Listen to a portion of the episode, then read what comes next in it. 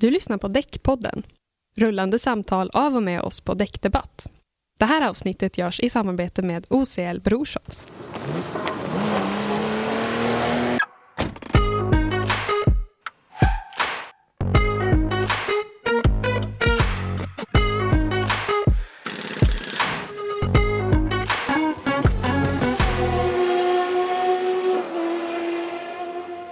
I det här avsnittet kommer vi att gå ifrån däcken smula för att istället fokusera på det som sitter innanför själva gummit.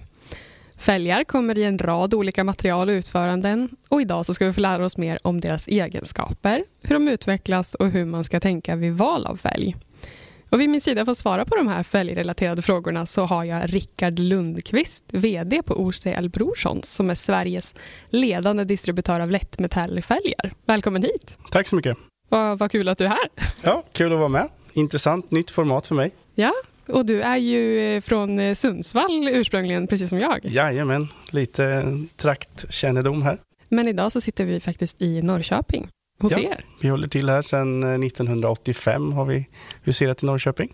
Jättehärligt tycker jag. Mm. Det var ju faktiskt ingen mindre än dina föräldrar som var med och startade Jajamän. Ja, pappa startade det här 85 ihop med en herre som heter Olof Karlberg. Och sen har det rullat på och sen 1999 så har vi utländska ägare ihop med oss i familjen. Då. Och just eh, fälgar, jag tänker att alla som lyssnar på det här kanske inte riktigt har stenkoll på fälgar, men det har ju du då. Eh, så skulle du vilja berätta lite grann om hur de skiljer sig åt, utöver att de faktiskt kan se lite olika ut? Ja. Eh, I grund och botten så, så började allting med stålfälgar, eh, funktion. Man levererade fälgar till eh, vinterhjul, bakaxeln till Vol- Volkswagen Beetle och eh, Volkswagen, eller Volvo Amazon och så vidare. Och då var stålfälgen det som man levde på och sålde. Sen så eh, i slutet på 80-talet och början på 90-talet så började man mer med lättmetallfälgar tillverkade av aluminium och eh, då var det en lyxprodukt. Och idag är det kan man säga en produkt som är uppdelad i både lyx och funktion.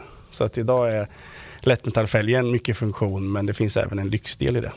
Okej. Ja, och, och vad ska man som konsument tänka på när man ska välja fälg till sin bil och hur går man tillväga? Ja, men vi rekommenderar ju alla som ringer till oss att de ska vända sig till en seriös handlare som jobbar med seriösa produkter. Då Mm. blir det bra. Mm. För fälgar för liksom den generella Svensson-människan kanske mer är att man ser att det, de ser lite olika ut. Ja, men de väljer utifrån ett utseende vanligtvis och så Mm. kan handlaren hjälpa dig med så att det blir rätt produkt. Mm. Och ni som fälgexperter, vad har ni för råd till eh, däckspecialisterna när de ska hjälpa till att eh, guida konsumenterna till rätt fälgar till sina bilar? Ja, men generellt så har ju kunskapen hos eh, däckhandlarna ökat. Eh, de kan mycket mer om fälgar och bilar och, och dimensioner, offset och så vidare idag. Det var ju en betydligt enklare marknad för med färre applikationer och utvecklingen har gjort att de har tvingats hänga med. Så att eh, när de jobbar med våra digitala verktyg och sin kunskap så blir det bra. Då blir det rätt fälg på rätt bil. Mm. Och ni har ju också lite digitala verktyg som man kan använda då i, Ja, till sin hjälp. de använder ju sig av regnummer och använder dem hos oss och slår in ett regnummer i våra verktyg och på så sätt får man rätt produkt fram. Mm. Sen är det också så att det är vårt ansvar som grossist och tillverkare att informera och utveckla och utbilda våra återförsäljare. Mm. Okej, men ändå ibland så kan det hända att det blir lite fel. Hur, vad är det som händer då? Nej, men de få gånger det blir fel så beror det ofta på att eh, vår återförsäljare har fått fel ingångsvärden och vi i vår tur har fått fel ingångsvärden av vår återförsäljare. Mm. En kund som kanske inte har uppgett att det är en diesel fyrhjulsdriven bil utan det är en tvåhjulsdriven hybrid och så vidare. Och på så sätt så, så levererar både vi och återförsäljaren fel produkt men det brukar lösa sig i slutändan. Vad bra. Och eh, sen jag tänker i själva däckskiftet och sådär, det kan ju också hända att, att hjulen trillar av, är ju ett annat sätt det kan ja, bli fel. Det är samma sak där att i stridens hetta när våra återförsäljare har väldigt mycket att göra i högsäsong så med full respekt så har de ont om tid. De ska skifta fyra till sex bilar på en timme. Mm. Och då kanske man inte hinner efterdra med momentnyckel. Eh, Man kanske dessutom inte hinner med att informera slutkunden om att han ska efterdra hjulen efter en tids körning. Så det är sådana grejer som kan göra att det blir fel. Men Mm. vanligtvis så brukar det gå bra. Och hur vet man då vad som är rätt fälg till bilen? För stora fälgar med lågprofildäck, de är ju väldigt snygga. Men hur vet jag om just sådana är rätt val för min bil? Ja, men väldigt hårdraget så brukar vi säga att eh, vi brukar fråga kunden om de ska titta på bilen eller om de ska köra med bilen. Mm. Och Det finns ju en, en, stor målgrupp som tycker det är jättekul med utseende. Och Då får man väl vara beredd att um, kompromissa lite på komforten. Mm. Och så finns det ett gäng som, som måste ha bilen fungerande med full last och takbox och är på väg med hela familjen till, till fjällen och då, då får de ha ett annat fokus på sitt produktval. Mm. Och det kan då däckspecialisterna hjälpa till Jajamän, med? Jajamän, det fixar de. Det hjälper de till med. Härligt. Eller digitala verktyg, som bland annat ni har. Mm. Mm. Eh, och ni jobbar ju med så kallade eftermarknadsfälgar. Ja. Hur skiljer sig sådana från eh, originalfälgar till bilen? Och vad, vad, är en eftermarknadsfälg för de som inte känner till det? Om man ska dra det i stort så kan man säga att det skiljer ingenting. Mm. Eh, vi tillverkar våra fälgar enligt ETRTO-standard, precis som biltillverkarna gör, mm. för att få leverera fälgar i Europa. Eh, vi tillverkar dem i Tyskland i egen fabrik där vi har en homologerad tillverkningsmetod enligt TÜV då, som vi använder. Det finns andra homologeringsmetoder också mm. i tillverkning. Just att man originalanpassar liksom ja, själva fälgen ja. till. och utöver det så har vi även eh, homologerat anpassningen på bilen. Så det är två olika delar. Det ena är tillverkningen mm. där vi låter eh, ett granskande organ se till att vi som fabrikör gör rätt saker mm. i vår tillverkning och kvalitet. Eh, sen har vi då att eh, artikelnumret eller modellen på fälgen verkligen passar på bilen och det görs också utav en, en annan instans. Och då finns det olika typer av homologeringar där, där ECE e är det högsta. Och sen kommer ABE och sen kommer TÜV. Men mm. i Sverige då så finns det inget riktigt tydligt regelverk. Det finns en generalisering där som gör att man kan, man kan sätta dit en fälg på en bil som kanske inte har några direkta fel men i alla fall inte är homologerad så man vet inte till 100% att den klarar allting. Okej. Och i de här uh, homologeringarna, brukar det ske sam, liksom, um, tillsammans med själva homologeringen av däcket? Eller ja. är det liksom två separata processer?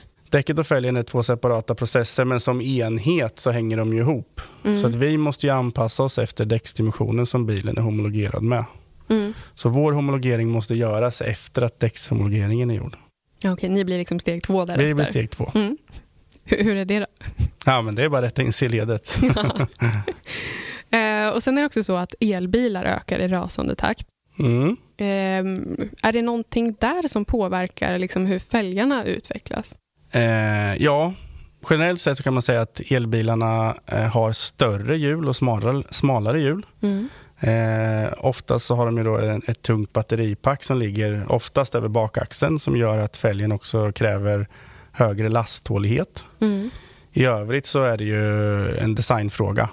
Eh, elbilarna har ofta lite djärvare design som gör att fälgarna ser lite roligare ut och lite modernare ut och då måste vi följa efter det också. Men annars är det smala, stora fälgar med hög belastningstålighet. Finns det någonting man kan göra Eh, jag tänker rent mm, genom fälgar som gör att eh, liksom, luftmotstånd minskar eller att man liksom, sparar in Absolut. bränsle. Hur, hur ja, fungerar då, det? Då, men det finns eh, tester där vet, Tesla har jobbat med i vindtunnel. Mm. Eh, där man har tagit fram eh, aerodynamiskt optimerade fälgar.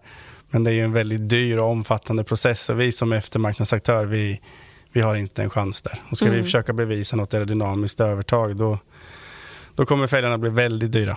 Okej. Och, eh, och just med elbilar så är det också, jag vet att ehm, i, när man utvecklar så EV-däck så är ju också en stor faktor som man vill försöka ta ner just själva eh, vägljudet. Mm, mm. Eh, finns det någonting som fälgen kan göra för att minska ljudet? Eller Absolut, det är samma sak där. En, en, ehm, en kantig design och kanske lite utåtstickande detaljer så skapar ju ljud i rotation och vind. Mm. Men det är sånt som vi försöker undvika. Det är ju, ja, alla sådana små saker gör ju att en kund kan uppleva störningar. Så att, eh, men vi har ingenting, vi, vi, har in, vi har med det i vår beräkning när vi utvecklar produkter. Mm. Men vi har ingen möjlighet att testa, för vi kan inte testa på varje bil. så men vi försöker att, att, lära oss av alla små, små, små detaljer som gör att vi inte tar med oss någonting in i något nytt där vi vet att en, ett utseende skapar till exempel turbulens. Mm. Och Sen har ju elbilen också ofta ett kraftigt vridmoment där 100% är tillgängligt ända från start.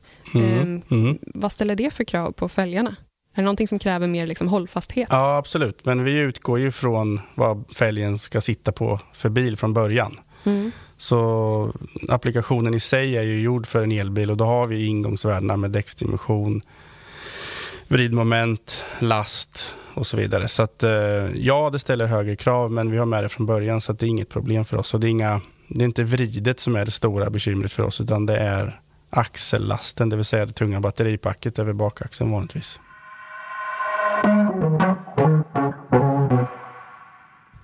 Men när vi ändå är inne och pratar om eh, hållfasthet, hur mm. vanligt är det att fälgar spricker och går sönder? Jag kan bara prata för vår räkning mm. och, och, det är extremt ovanligt. Ja. Eh, aluminium är ju ett väldigt eh, tåligt material, det sviktar.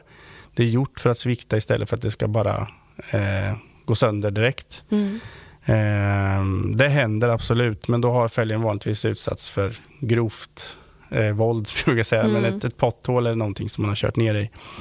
Eh, I övrigt så är det väldigt sällan en fälg bara raserar i strukturen. Då är det i sådana fall så att man har valt en fälg som inte tål tillräckligt med belastning helt enkelt. Mm. Ja, för vad är det liksom som, som ska till? Du sa eh, ram, Nej, ramla kör, ner potthål, kör, men köra ner i, i, ett, en grop, liksom. i en grop eller mm. en kraftig kant eller någonting sånt. Mm. Då får man ju ett, en strukturell skada och då, då har den tappat sin hållfasthet. Mm. Eh, och I ett annat poddprogram så pratar vi om att originalmonterade däck ökar kraftigt. Eh, mm. Är det samma mm. sak när det gäller fälgar? Ja, det får jag nog säga. att eh, Originalfälgarna har ju blivit mer attraktiva både till utseendet och även till priset. Så att de är ju en, en betydande aktör idag och en konkurrent till oss kan man väl säga. Eh, och Det är många som erbjuder en, en väl paketerad lösning från bilhandeln idag där man kan välja ett lite roligare alternativ på originalfälgar och så vidare. Mm. Men samtidigt så, så finns det alltid människor som vill ha något som ingen annan har. Och vi kanske har lättare att snabbt utveckla det som marknaden vill ha och lite extremare och lite tuffare och lite sådär. Mm. Så att ehm, ja, det ökar men vi känner inte att det är något problem för oss utan vi, vi hänger fortfarande i och säljer ungefär samma volymer. Mm. Har ni någon plan på att liksom komma in på den originalmonterings... Eh, Nej, vi är en eftermarknadsaktör och vi ska mm. vara där. Mm. Det finns många tillverkare i Europa som är nischade på original och vi är nischade på eftermarknaden så där ska vi förbli har vi sagt. Mm. Vad, vad härligt. Mm. vad kul för, för er att ni har tagit det. Ja, men jag tror inte att det är en mm. bra kombination av att jobba med båda. Nej. Eh, ska du in på ett band i en bilfabrik så är det enorma krav och det ställs eh, enorma krav på logistik och så vidare. Och då blir eftermarknaden eftersatt. och gör man allting för att klara av att leverera enligt kontrakt och så blir eftermarknaden nummer två. Vi gör tvärtom. Vi ska vara en stark och bra aktör på eftermarknaden istället. Mm. Men hur gör ni för att eh, liksom hålla er ändå ajour med, med den utvecklingen som jag tänker går väldigt eh, snabbt då på originalmonteringsutvecklingen? Mm. Ja, men dels så, så har vi bra koll genom eh, personalen på vad som kommer på bilmarknaden. Sen så finns det också officiell data att köpa. Mm. Eh, och för att en bil ska få säljas i Centraleuropa och Tyskland så måste den ju homologeras vad gäller hjul och då får vi datan därifrån. Så, att, eh, så jobbar vi. Men mm. det gäller att hålla sig ajour och idag är det ju en fullständig explosion när det gäller bilmodeller. Både genom elektrifieringen men även att alla biltillverkare ska ha så brett sortiment. Det ska finnas mikrobilar och minibussar i alla bilmärken så att mm. Eh, ja. det exploderar verkligen. Mm. Och eh, Sen är det ju så att biltillverkarna hela tiden vill öka sin affär. Eh, vad skulle du säga där? Finns det någon risk att de kommer att kräva originalmonterade monterade fälgar som en del av bilens originalutrustning? Ja, vi skulle kunna bli så på sikt, men då kommer du inte få byta någonting på bilen. De kan ju styra mot det i form av att de ställer krav på sina handlare, absolut. Men rent regelmässigt så tror jag att med gruppundantag och så vidare och så kommer man inte kunna ställa det som ett krav i, i, i absurdum. Utan eh, de kommer styra på sitt sätt men vi kommer också ha en attraktiv produkt som gör att vi kan leverera något som kanske levererar. Vi har lättare att leverera och vi har en tillgänglighet som är nu. Eh, men vi efterlyser faktiskt ett regelverk kring det här för att i Centraleuropa och Tyskland återigen då så har man hittat ett regelverk som gör att eftermarknadsaktörerna har ett berättigande bara så länge man håller sig inom vissa regler och homologeringskrav. Mm. Och det hade vi välkomnat i Sverige också. Mm. På vilket sätt skulle det förenkla er Nej, men Då skulle man kunna förhålla sig till det och sen så eh, om en återförsäljare av ett bilmärke tycker att det här är inte är original, då kan vi säga ja men vi har den här homologeringen och då blir det ingen tjafs med garantier och så vidare. Så att, eh, någon typ av regelverk hade varit bra på sikt jag tror att mm. vi kommer landa där. Det, kom, mm. det kommer att krävas. Men som det är nu så är det ju ganska fritt, vilket är både bra och, mindre bra. Mm. Eh, och eh, vi är inne i, höst och snart vinter här nu. Jajamän. Eh, vad, vad är det för fälgar som ni ser är på tapeten just nu och framåt? Ja, först och främst så vill jag säga att det storleks, eh, storleken på fälgarna har ökat något enormt. Mm. Tidigare hade vi ju 16 tum på hösten om vi går fem år tillbaka. Idag är 18 tum standard och 19, 20, 21, 22 det rasar iväg i volymerna där, vilket är jättekul. Så stora fälgar generellt och mörka fälgar. Det är mycket blanksvart som efterfrågas nu. Svart och polerat, grafit och så vidare. Så att, eh, mm. Det är trenderna just nu. Stort och mörkt.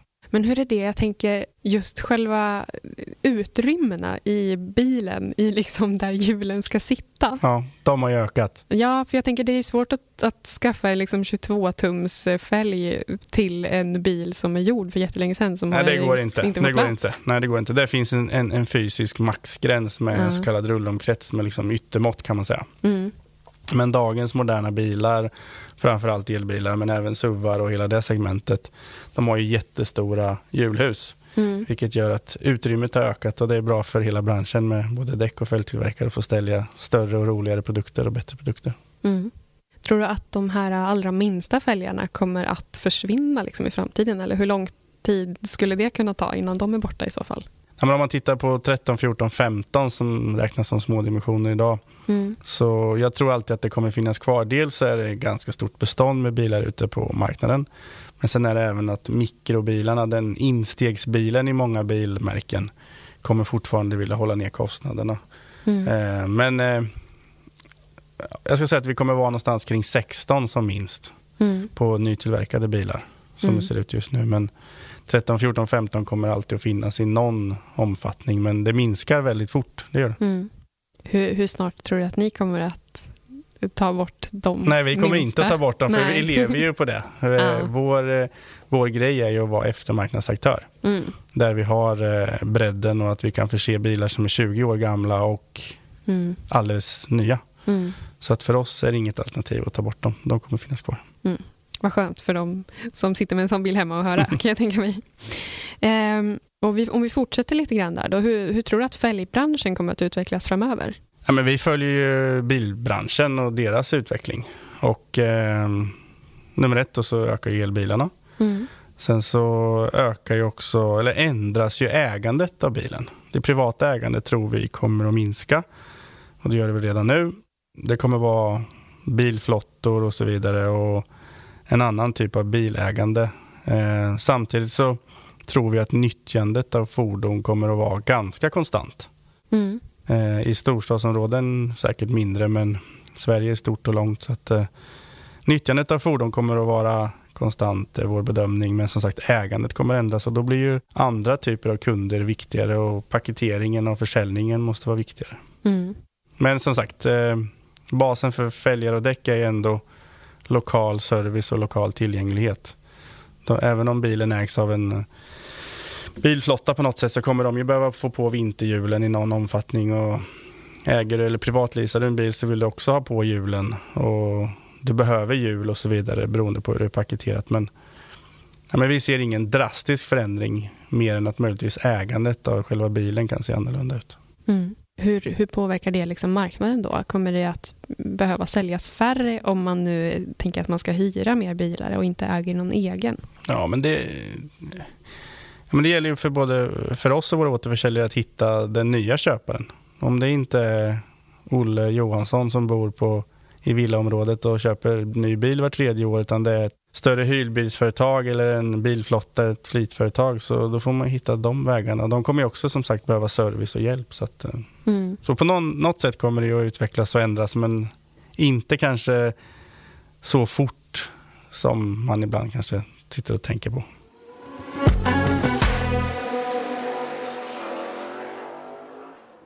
Ja, men då om det blir så att marknaden kommer att ändras lite grann, tror du att det kommer att bli vanligare att man lagar sina liksom, kantstötta fälgar? Ja, jag ser att det finns en hel del företag som jobbar med det idag. Eh, och jag, jag ser att de gör det bra. Mm. Vi har sett eh, lagningar och så vidare och det är många som är duktiga och så. Och försäkringsbolagen är intresserade av att hålla ner kostnaderna. Mm. Eh, så ja, det hoppas jag. Eh, för deras skull att det är fler som lagar fälgarna. Mm. Men det kommer alltid stå i relation till vad kostnaden är för att köpa en ny. Mm. Och sen som tillverkare och grossist så säger vi ju nej till lagning av strukturella skador. Mm. Om fälgen har varit utsatt för ett slag eller kört över en kant och fått en förändring i sin form, då ska inte fälgen lagas. Då ska den kasseras för den har tappat sin hållfasthet. Okay. Men eh, eh, om man säger optiska, kosmetiska skador, när man har varit och kört mot en trottoarkant, de får man gärna laga. Men mm. jag hoppas att de kommer göra det. Alternativet som sagt är att man byter en fälg. Mm. Sen vet jag inte hur intresserade ett hyrbilsföretag eller en bilflotta är i de frågorna. Nej. Men då om det är många som liksom blir kantstötta och inte längre kan, kan användas, hur ser liksom återvinningen av fälgar ut, både av sådana och av sådana som kasseras ut? Och vad krävs för att en fälg ska räknas som liksom utkasserad? Ja, men som jag sa där, så strukturella skador, mm. den har tappat sin form, då, då är den att kassera direkt. Mm. Och som det är idag när, när återvinningen av metall är en het fråga och metall är en bristvara, så, så, är det ju så till och med att du får bra betalt av ett skrotföretag när du lämnar in fälgar, både stål och lättmetall. Mm. Och våra produkter är 100% återvinningsbara. Så att, eh, det har alltid varit, så att eh, det är, där har vi legat med länge. Mm. Så att, eh, ja, de gånger vi skrotar så, så, så, får vi bra betalt för metallen och det vet jag att branschen får också. Så att det funkar. Vad bra. Finns det andra material än aluminium då som man kan använda till att göra fälgar? Absolut, det, det testas en hel del med olika material. Sen är ju aluminiumfälgar det är det som görs mest idag på nya bilar. Mm. Eh, man har gått ifrån stål som det var tidigare utav designskäl och viktskäl och hela den biten. Eh, men eh, det testas olika legeringar i aluminium, men sen i extremfall så testas det och jobbas det även med kolfiber på de riktigt, riktigt extrema applikationerna på alla värsting-värstingbilar. Mm.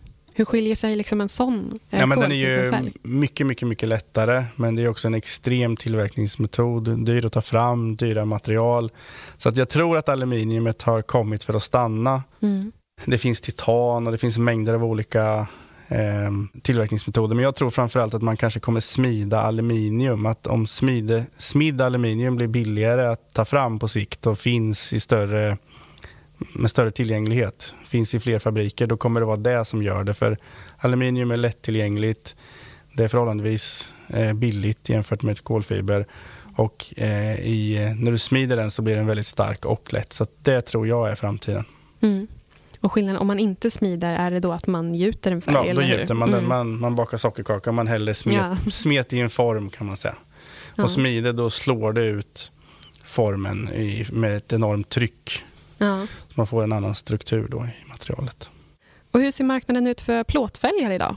Vi säljer mycket plåtfälgar fortfarande. Vi ser, marknaden ser det som en reservdel Dels så levereras det en hel del bilar på stålfäll fortfarande i form av mikrobilar, de här riktigt, riktigt små bilarna. Mm.